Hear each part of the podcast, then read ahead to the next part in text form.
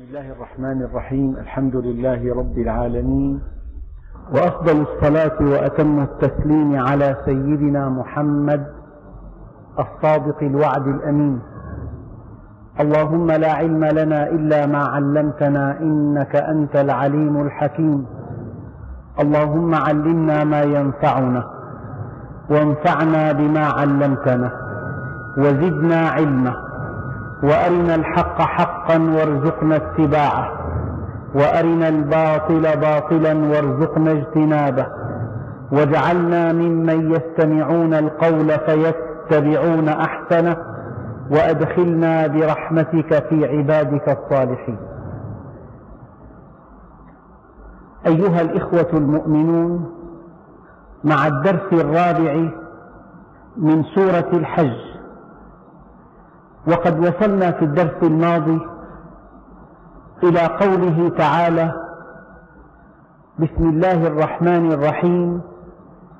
إن الذين كفروا ويصدون عن سبيل الله والمسجد الحرام الذي جعلناه للناس سواء سواء العاكف فيه والباد ومن يرد فيه بإلحاد بظلم نذقه من عذاب أليم.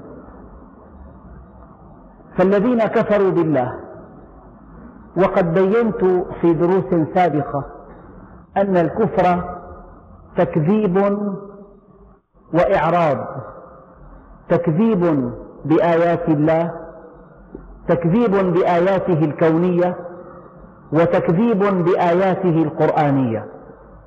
وتكذيب بوعده وتكذيب بوعيده وتكذيب بأسمائه وتكذيب بمنهجه تكذيب وإعراض. الذين كفروا أعرضوا عن الله عز وجل والتفتوا إلى الدنيا التفتوا إلى الشركاء التفتوا إلى المال التفتوا إلى كل ما يقربهم من الدنيا. إن الذين كفروا من لوازم الذين كفروا أنهم يصدون عن سبيل الله. فكفروا فعل ماض أما يصدون عن سبيل الله فعل مضارع. والفعل المضارع يفيد الاستمرار. هم دائما يصدون عن سبيل الله. أي شيء يؤدي إلى مرضاة الله يصدون الناس عنه. أي شيء يقرب الناس من الله يصدونهم عنه. أي شيء يوصلهم يقطعونهم عنه. من لوازم الكفار أنهم يصدون عن سبيل الله. هم ضالون مضلون. فاسدون مفسدون. هؤلاء الكفار يصدون عن سبيل الله. يعني أي شيء يوصل إلى الله هم في هذا الطريق عقبة كؤود ربما كان دفع المال طريقا إلى الله عز وجل. يمنعون الناس أن ينفقوا أموالهم في سبيل الله. ربما كان ربما كانت الأعمال الصالحة التي يبتغى بها وجه الله طريقا إلى الله عز وجل. هم يمنعون هذه الأعمال الصالحة. ربما كان تعليم العلم أو تلقي العلم طريقا إلى الله عز وجل. إن الذين كفروا ويصدون عن سبيل الله. فنعوذ بالله أن نصد الناس عن سبيل الله. بل اللهم ارزقنا أن نكون هادين مهديين. أن نهتدي ويهتدى بنا. أن نكون واصلين. أن نكون مقربين. إن الذين كفروا ويصدون عن سبيل الله والمسجد الحرام. الله سبحانه وتعالى إن أول بيت وضع للناس للذي ببكة مباركا. يعني الله سبحانه وتعالى جعل هذا البيت مكانا للتقرب إليه. جعل هذا البيت مكانا لعبادته. جعل هذا البيت مكانا للتفرغ لعبادته. فلذلك من حكمة الحج أن الله سبحانه وتعالى أمر المؤمنين أن يأتوا إليه مخلفين وراء ظهورهم بيوتهم وزوجاتهم وأولادهم وأموالهم وحوانيتهم ووظائفهم ومكاناتهم ومتعهم ومباهجهم كل دنياهم مركزة في بلادهم. من أجل ألا تكون الدنيا عائقا بين العبد وبين ربه. من أجل ألا تكون الدنيا حجابا بين العبد وبين ربه. الله سبحانه وتعالى أمر الناس أن يأتوا إليه. وهم في طريقهم إليه يقولون لبيك اللهم لبيك. أمرهم أن يبتعدوا عن الدنيا. الشيء الذي أباحه لهم في بلادهم حرمه عليهم وهم قاصدون إليه. حرم عليهم لبس الثياب المخيطة. جعلهم يذكرون ساعة المشر ساعة الحشر. أراد أن يصرفهم عن الدنيا وربما كان اللباس من الدنيا. أمرهم أن يرتدوا ثوبين رداء وإزارا ليس غير. لئلا تلتفت النفس إلى الثوب وإلى مظهره وإلى أناقته وإلى ألوانه المنسجمة وإلى لئلا يختال الإنسان بثيابه.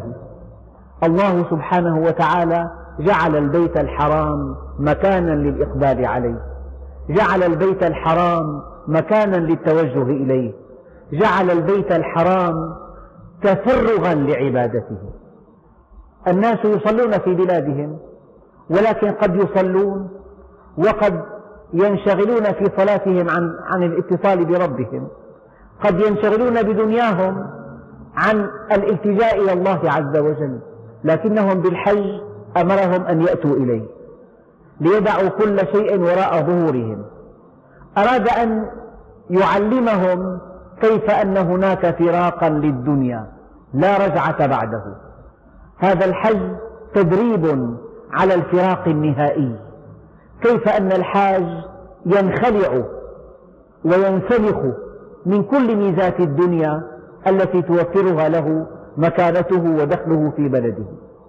فربنا سبحانه وتعالى جعل المسجد الحرام معطوفا على سبيل الله.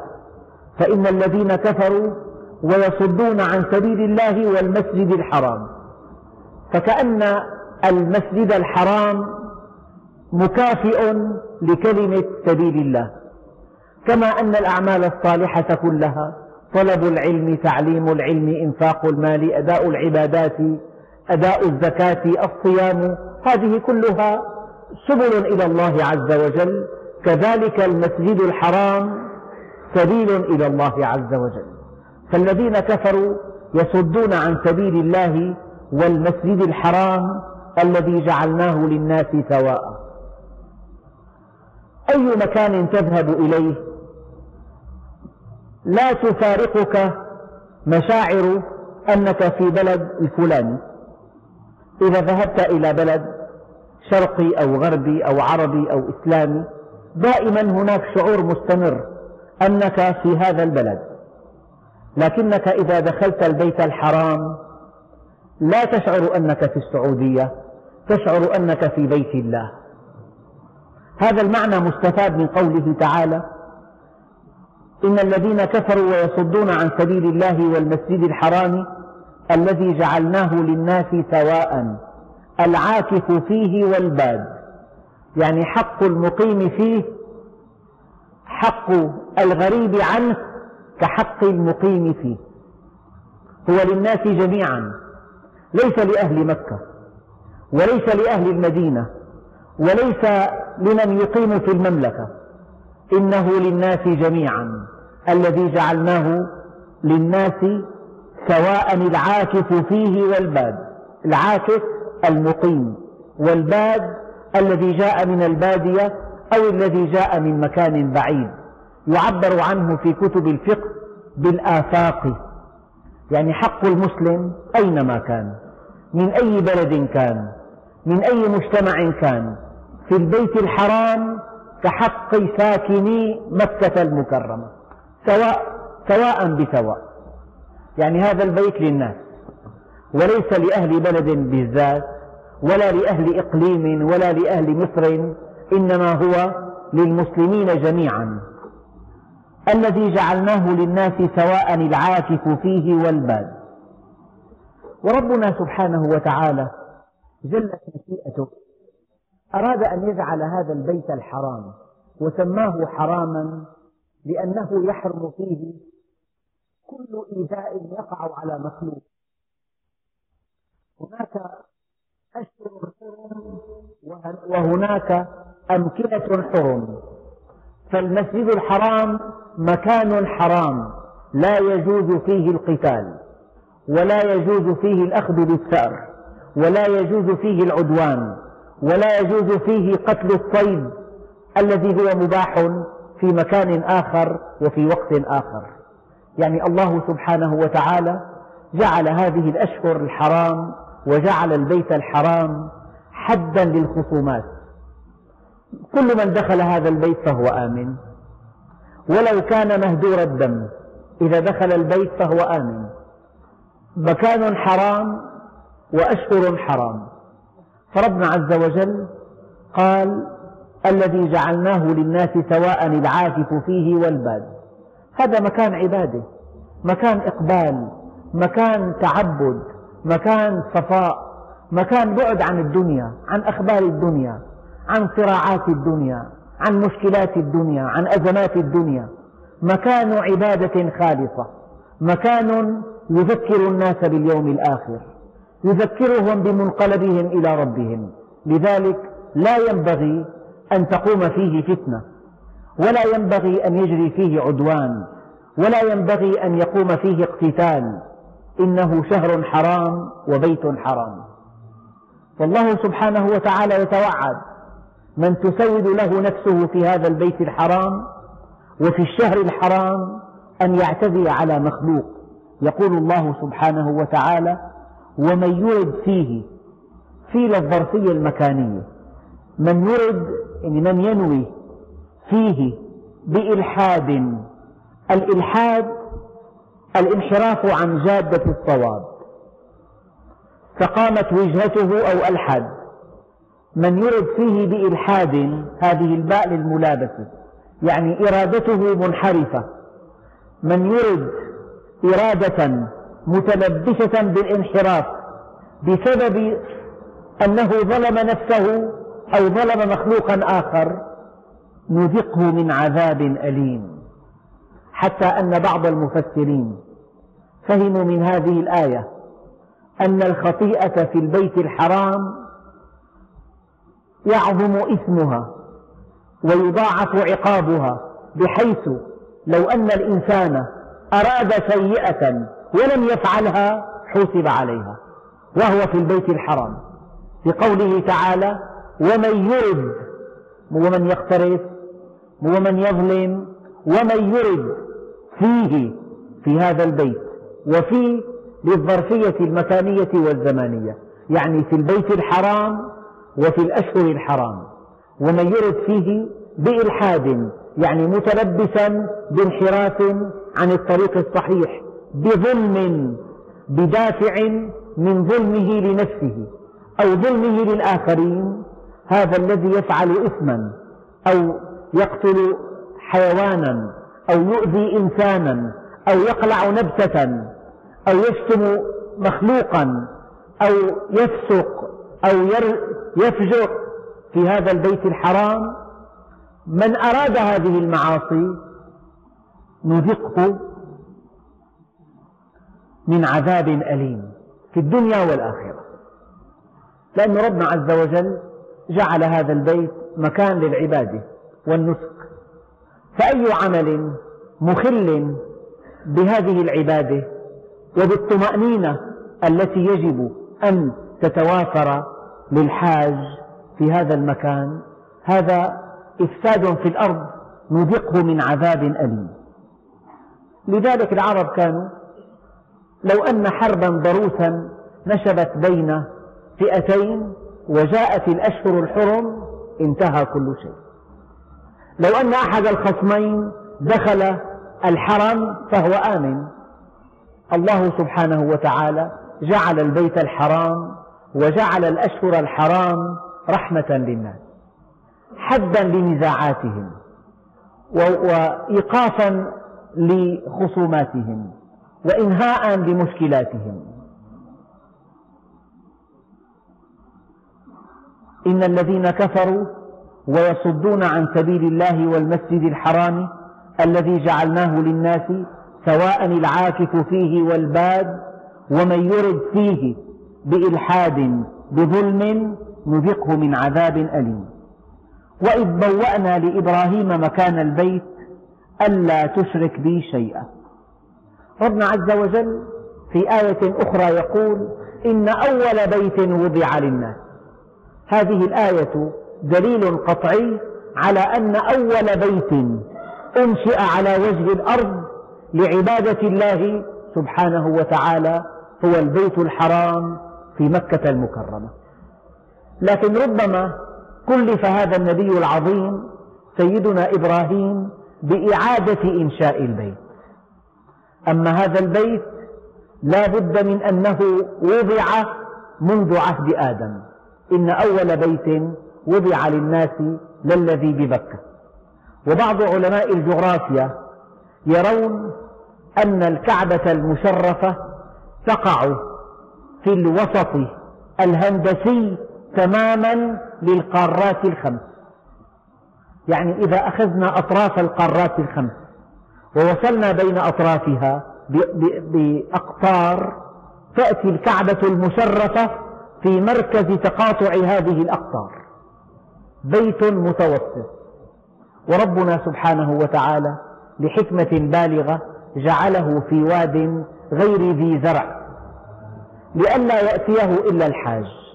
فلو كان في واد ذي درع وجو لطيف وبحيرات رائعة وجبال خضراء لجاءه الحاج والسائح لكنه بهذه الطريقة لا يقصده إلا الحاج الحاج وحده ومع أن هناك حرا شديدا ومع أن هناك ازدحاما بالغا فإن الذي ذهب إليه بإخلاص شديد يقول لك لم أذق في حياتي نعيما وسعادة أبلغ من هذا الحج.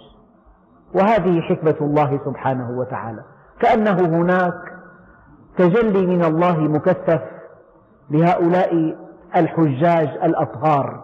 الحجاج والعمار وفد الله.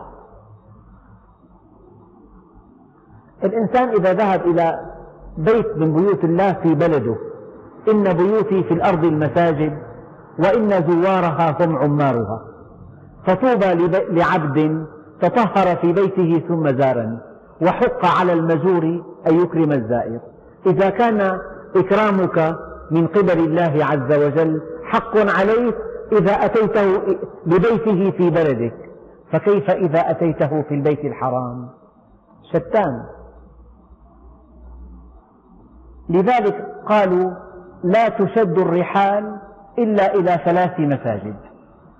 إلى المسجد الحرام ومسجد هذا والمسجد الأقصى.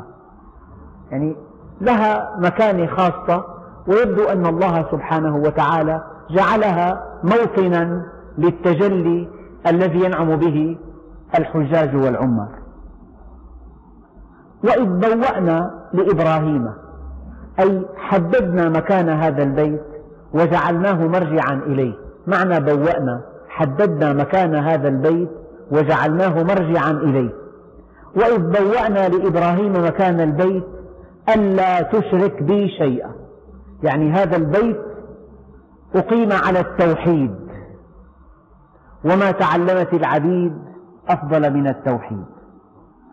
وطهر بيتي للطائفين والقائمين والركع السجود. بعضهم قال الطائفين الذين يطوفون حول البيت. وأما القائمين الركع السجود المصلون. وهناك من يستنبط من هذه الآية أن الطواف يسبق القيام والقيام يسبق الركوع والركوع يسبق السجود. وكأنها مراتب. طاف فأقام فركع فسجد. يعني أقرب ما يكون العبد من ربه وهو ساجد. الركوع خضوع والسجود طلب العون والقيام الالتزام والطواف والبحث.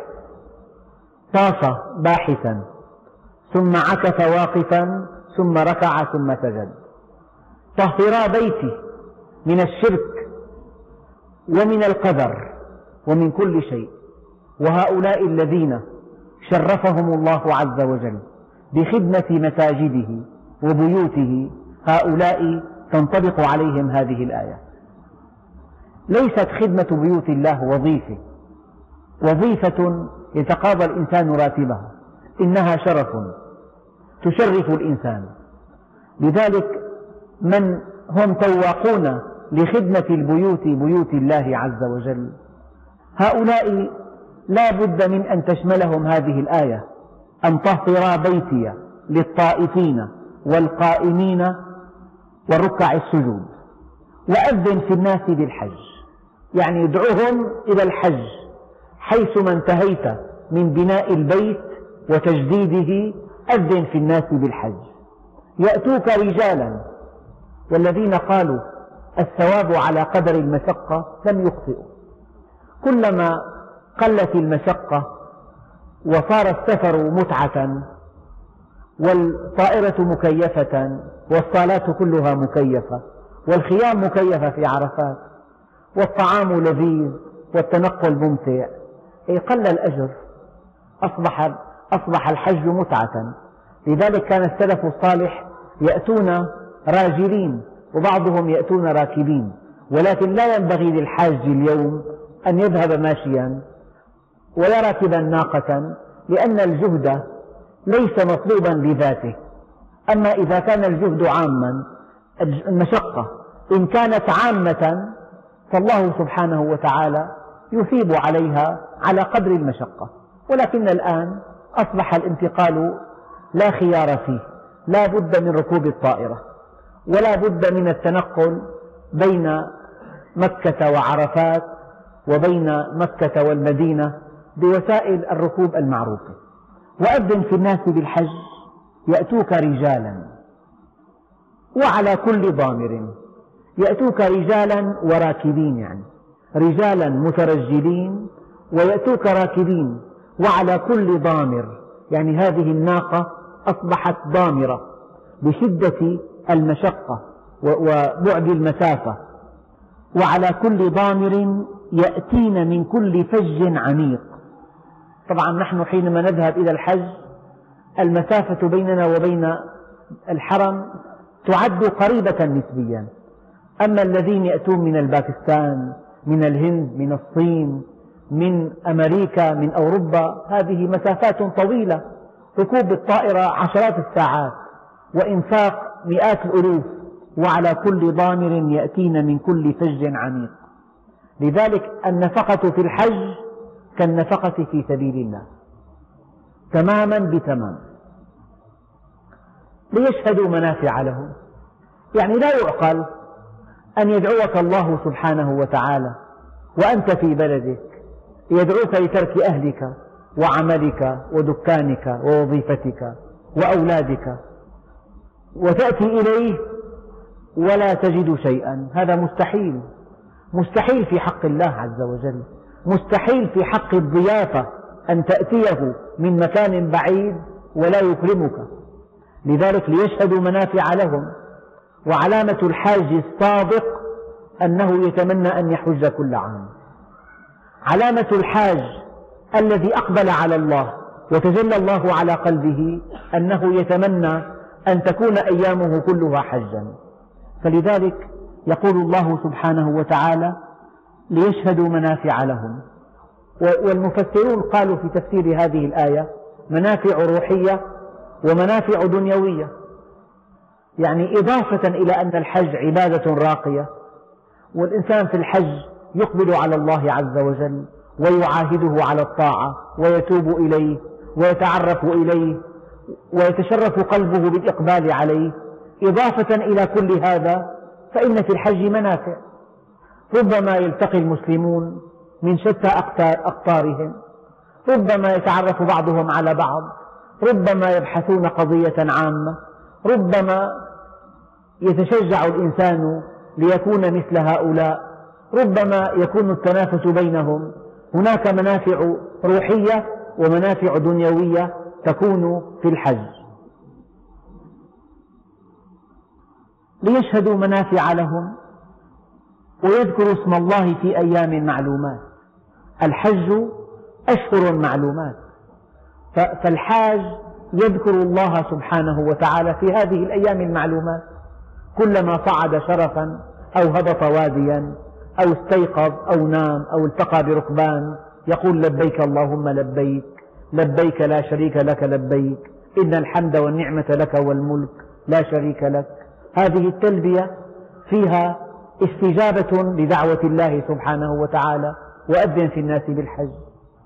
فإذا رمى جمرة العقبة قطع التلبية وقال الله أكبر الله أكبر بدأ يكبر ويهلل ويسبح.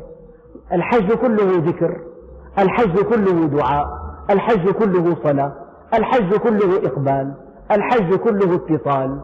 الحج مناسبة كي يتصل هذا العبد بخالقه.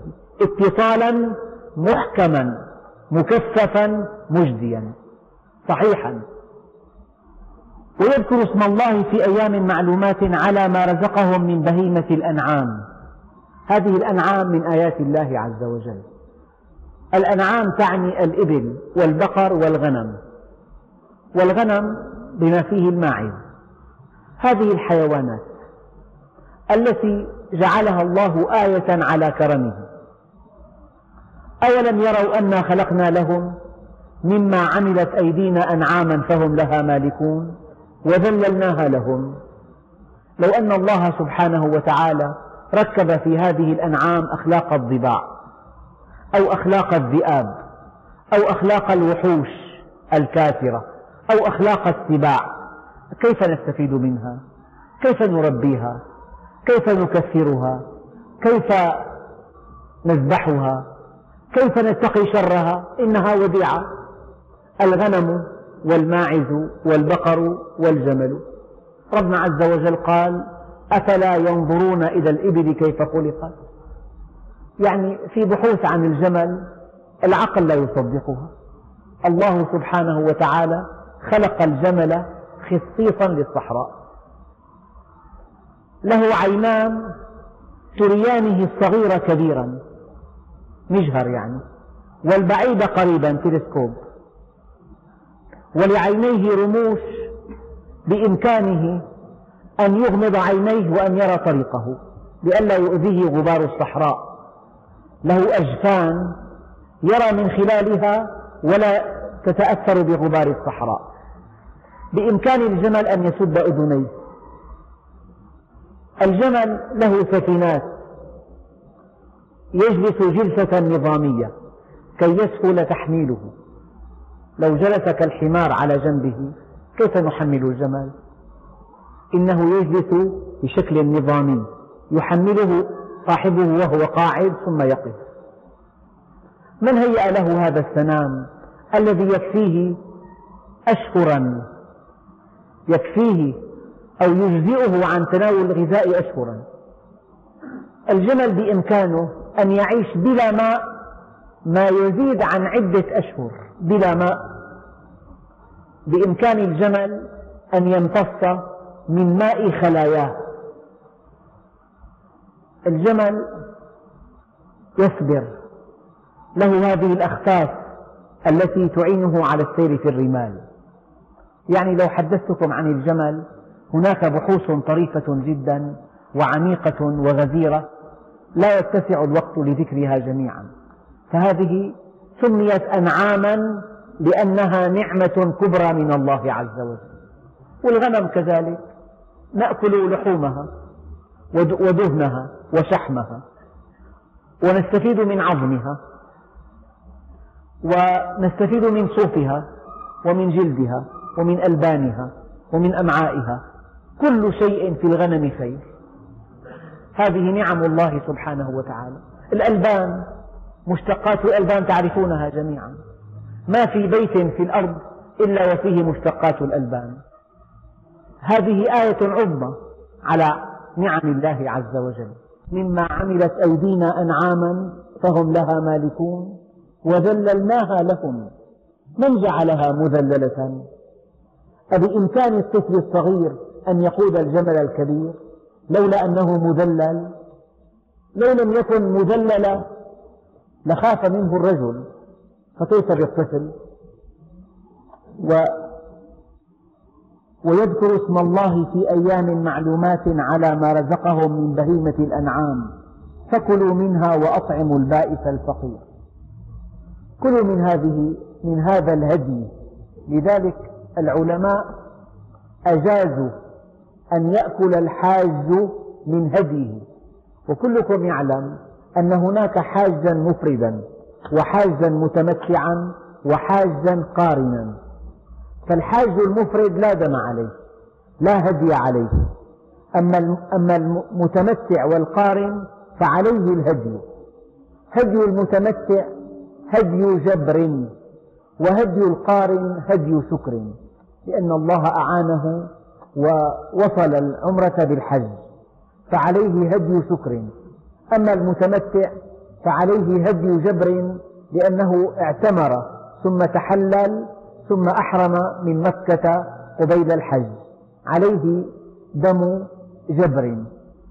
العلماء أجازوا أن يأكل الحاج ندبا أو وجوبا أو إباحة من دم من لحم الهدي. وأن يطعم منه القانع والمعتر. لكنهم حرموا على من قدم الهدي نذرا أو جزاء إثم ارتكبه في الحج. هذا الهدي الذي يقدم جزاء وكفارة لإثم ارتكبه الحاج أو لهذا الذي أو وفاء بنذر لا ينبغي أن يأكل الحاج منه شيئا. فكلوا منها هذا أمر ندب أو أمر إباحة. في أمر يقتضي الوجوب في أمر إباحة. ثم وكلوا واشربوا حتى يتبين لكم الخيط الأبيض. هذا أمر إباحة. ومعناها إذا واحد ما أكل عصا في عنا أمر إباحة في عنا أمر ندب في عنا أمر وجوب. فكلوا منها وأطعموا البائس الفقير. وبعد أن ذبح الحاج بعد أن رمى الحاج جمرة العقبة وذبح الهدي ثم ليقضوا تفتهم وليوفوا نذورهم وليطوفوا بالبيت العتيق. التفت الإنسان حينما يقص أظافره يقضي تفته وحينما يحلق شعر رأسه يقضي تفته وحينما يغتسل فيذهب عن جلده الأوساخ يقضي تفته طبعا بعد أن أحرموا يوم الثامن من ذي الحجة أو بعد أن أحرموا من العمرة إلى الحج للقارن واستمروا على إحرامهم أياما وليال لا يذوقون لا, لا يمسون طيبا ولا يحلقون رأسا ولا يلبسون مخيطا ولا يستعملون طيبا. بعد أن أحرموا وتحملوا مشاق الإحرام الآن جاء وقت قضاء التفث قال تعالى ثم ليقضوا تفثهم وليوفوا نذورهم. بعض العلماء حمل هذه الآية على أن الحاج وهو في عرفات أو وهو يطوف البيت أو وهو يقبل الحجر أو وهو يسعى بين الصفا والمروة يعاهد الله على أعمال صالحة على خدمة الخلق على هداية الخلق على الاستقامة على أمر الله. هذا العهد الذي عاهدت الله به بعد أن تحللت من الإحرام جاء وقت الوفاء به. ثم ليقضوا تفثهم وليوفوا نذورهم. الحاج كأنه عاهد الله سبحانه وتعالى. وهو في عرفات عاهد الله وهو يقبل الحجر الأسود عاهد الله وهو يلتزم الملتزم عاهد الله وهو يسعى بين الصفا والمروة عاهد الله وهو يطوف حول البيت يعاهد الله سبحانه وتعالى. فإذا حل من إحرامه وقضى تفثه عليه أن يفي بنذره. أحد الصالحين اشترى قبرا في حياته. كان كل يوم, كل يوم خميس يضجع فيه حيا ويتلو قوله تعالى رب ارجعوني لعلي أعمل صالحا فيما تركت فيقول لنفسه قومي قد أرجعناك يلا. قومي إلى العمل الصالح قد أرجعناك وكأن لسان حال الحاج ثم ليقضوا تفثهم بعد أن يرموا جمرة العقبة وبعد أن يذبحوا الهدي ويحلقوا شعورهم ويغتسلوا يتحللوا التحلل الأول. يعني بإمكانهم أن يفعلوا كل شيء كان محظورا عليهم إلا النساء. هذا التحلل الأول. فإذا طافوا طواف الركن طواف الركن الإفاضة حل لهم كل شيء كان محظورا عليهم بما فيه النساء. ثم ليقضوا تفثهم وليوفوا نذورهم وليطوفوا بالبيت العتيق. ليطوفوا. يعني إذا قلت كسر غير كسر. وغلق غير غلق. وقطع غير قطع. قطع في مبالغة. قطعت اللحم قطعتين. أما قطعتها قطعا صغيرة. فوزن فعل يفيد التكسير. فربنا عز وجل قال ثم وليطوفوا. يعني وليطوفوا كثيرا. فهم النبي عليه الصلاة والسلام من قوله تعالى وليطوفوا أن الطواف سبعة أشواط. الحد الأدنى سبعة أشواط. لكن الطواف الواجب دائما أربعة أشواط. والسنة سبعة أشواط. يعني من طاف أربعة أشواط وأصابه إغماء فرضا فقد أدى الفريضة طواف الزيارة. وليطوفوا بالبيت العتيق. وسمي البيت العتيق عتيقا لأنه أقدم بيت. وسمي البيت العتيق عتيقا لأنه لأن الله كرمه من أن يخضع لجبار. لذلك كل أنواع الغزو التي شهدها العالم الإسلامي لم تصل إلى الكعبة. جعله الله عتيقا. والمعنى الثالث أن كل من دخل هذا البيت مخلصا أعتقه الله من النار. إما لأنه عتيق زمانا أو لأنه في منجاة من سيطرة الجبابرة أو لأن كل من دخله أعتقه الله من النار. لأنه من حج كما قال عليه الصلاة والسلام ولم يفسق ولم يرفث رجع من ذنوبه كيوم ولدته أمه. أبدا. لذلك قال العلماء من أفاض من عرفات ولم يغلب على ظنه أن الله قد غفر له فلا حج له. تفعل ماذا؟ جئت من بلدك من بعد يزيد عن عشرات الآلاف من الكيلومترات. دفعت الرسوم دفعت النفقات أغلقت محلك التجاري تركت أهلك لماذا جئت؟ أليس جئت للمغفرة؟ تفعل ماذا هناك؟ من أفاض من عرفات ولم يغلب على ظنه أن الله قد غفر له فلا حج له ذلك ومن يعظم حرمات الله فهو خير له عند ربه يعني هذه المناسك الذي يعظمها. يعني في حاج يتساهل يقول لك لا تدقق هذا لا يعظم شعائر الله. يعني في أشياء مباحة في بلدك. الطيب مباح بالعكس مندوب. قال عليه الصلاة والسلام حبب إلي من دنياكم ثلاث الطيب منها الطيب. فالطيب مباح في بلدك. ولكن الله سبحانه وتعالى هناك أراد أن يتعبدك أن يمتحن مدى طاعتك له. والطاعة دائما تمتحن لا في لا في المعاصي والآثام بل في المباحات. حينما تنهى ابنك عن أن يسرق لا بد من أن يلتزم.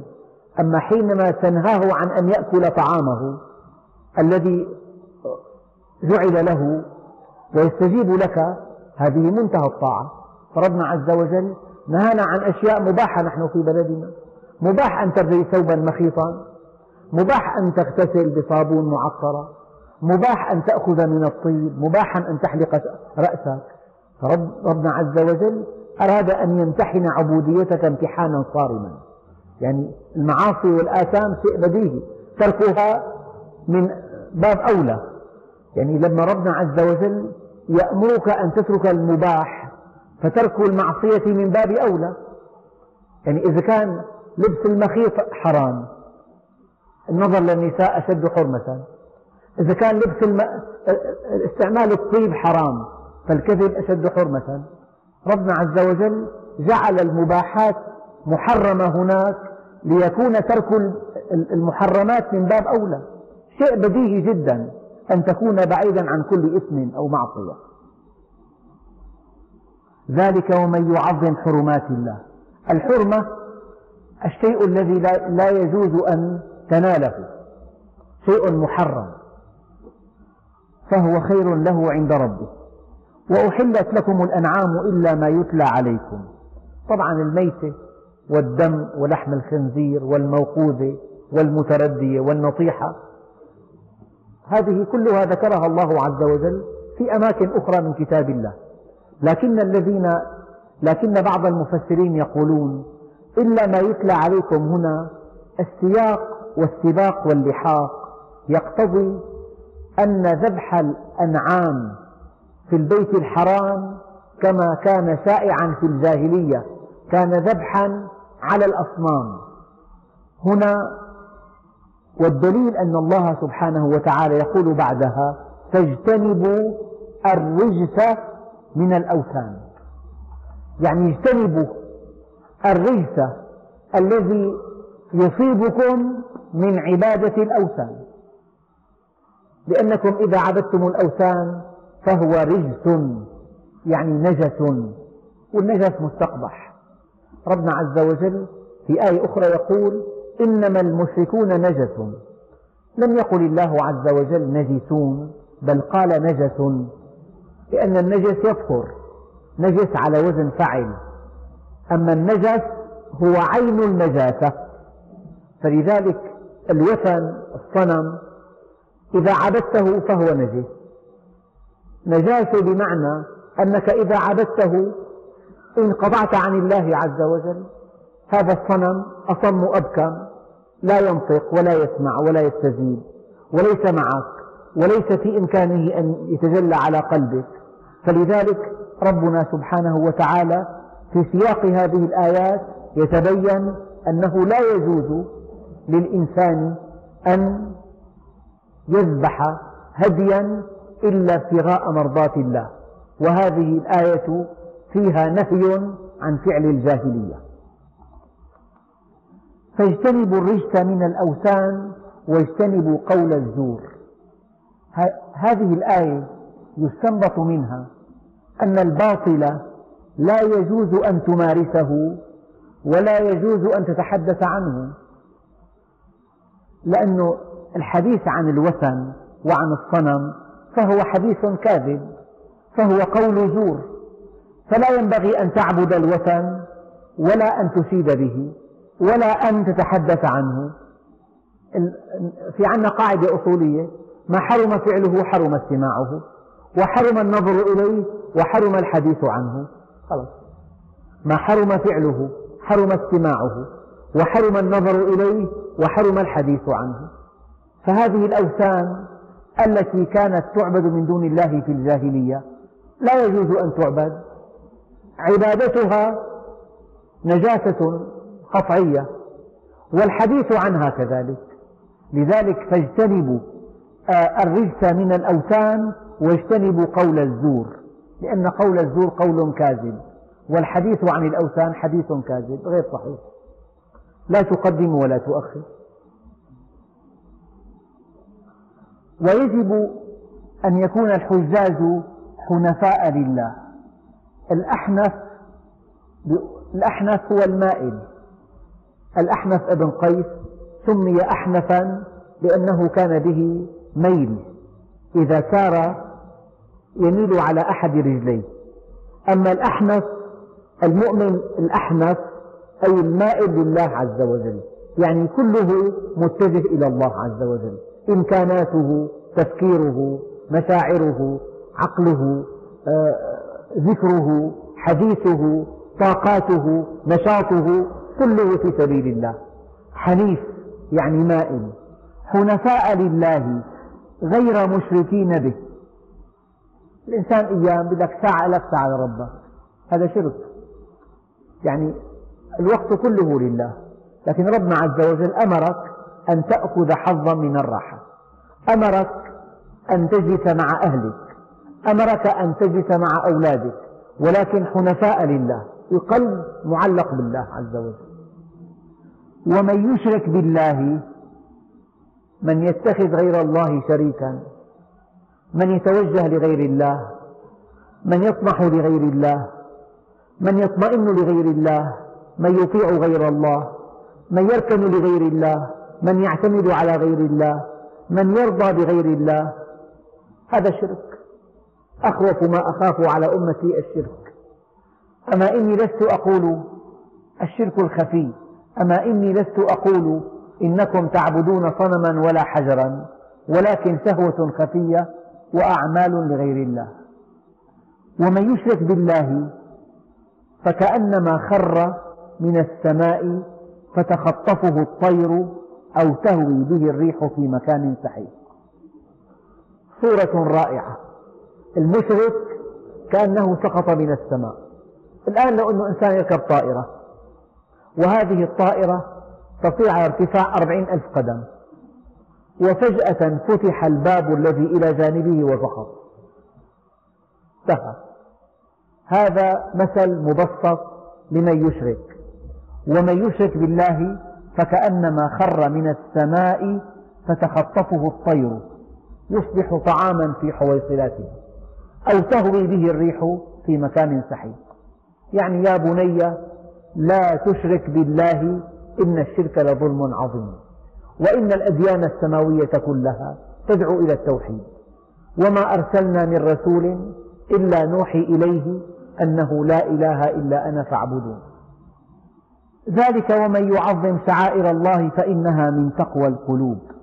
ذلك ومن يعظم شعائر الله فإنها من تقوى القلوب.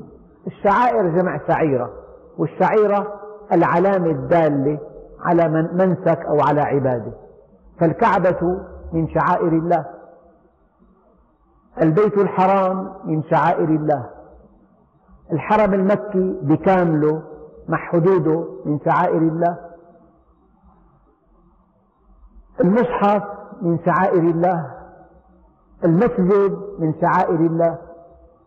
المؤمن من شعائر الله. من يتزيى بزي أهل العلم هذا من شعائر الله.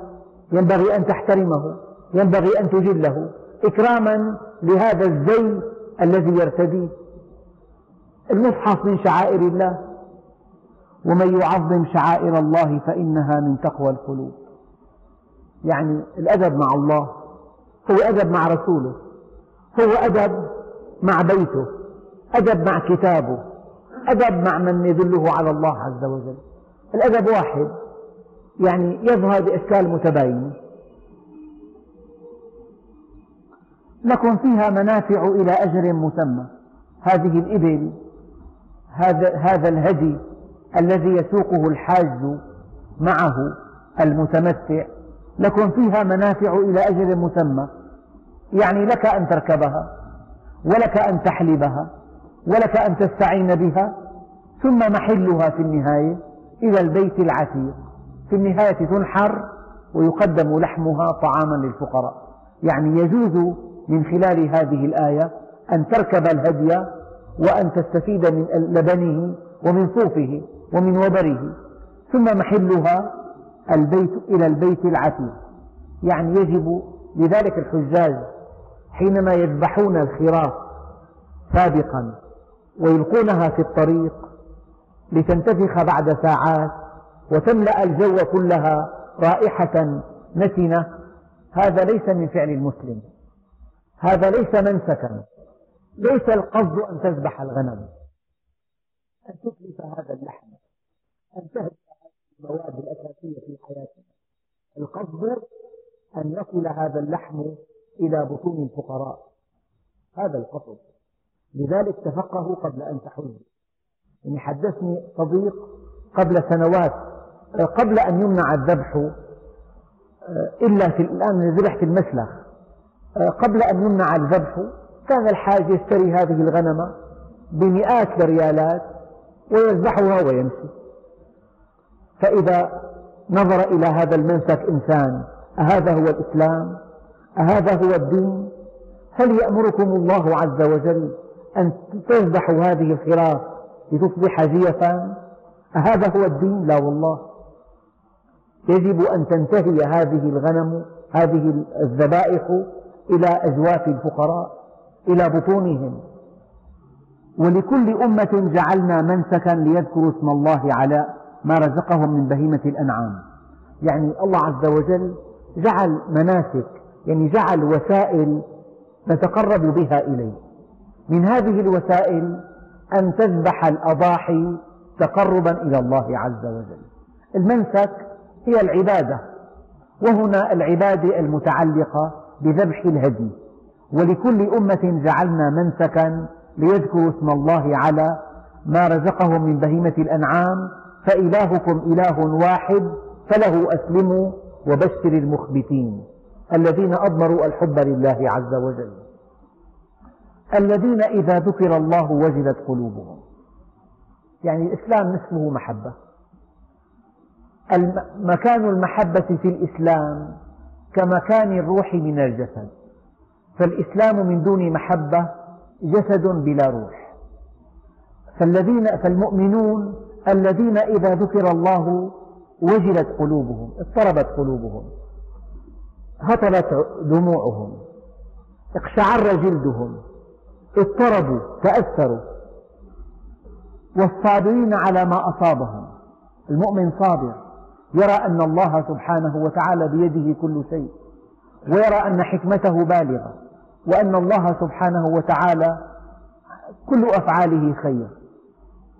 تؤتي الملك من تشاء وتنزع الملك ممن تشاء وتعز من تشاء وتذل من تشاء بيدك الخير. والمقيمي الصلاة والصابرين على ما أصابهم والمقيمي الصلاة. يعني الصلاة تحتاج إلى جهد كبير كي يقيمها, كي يقيمها الإنسان. تحتاج إلى استقامة. تحتاج إلى أن تعرف الله. يجب أن تعرف من تقف بين يديه. تحتاج إلى عمل صالح كي ترقى به إليه. والمقيمي الصلاة ومما رزقناهم ينفقون. كل إنسان محاسب على ما رزقه الله عز وجل. فمن آتاه الله العلم عليه أن ينفق من علمه والذي آتاه الله المال عليه أن ينفق من ماله والذي آتاه الله الجاه عليه أن ينفق من جاهه. ومما رزقناهم ينفقون. والبدنة يعني الناقة مفردها بدنة بفتحتين. والبدنة جعلناها لكم من شعائر الله لكم فيها خير. فاذكروا اسم الله عليها صواب. يعني تقف وتربط ثم تنحر. فإذا وجبت ذنوبها يعني وقعت وسكنت فكلوا منها وأطعموا القانع والمعتر.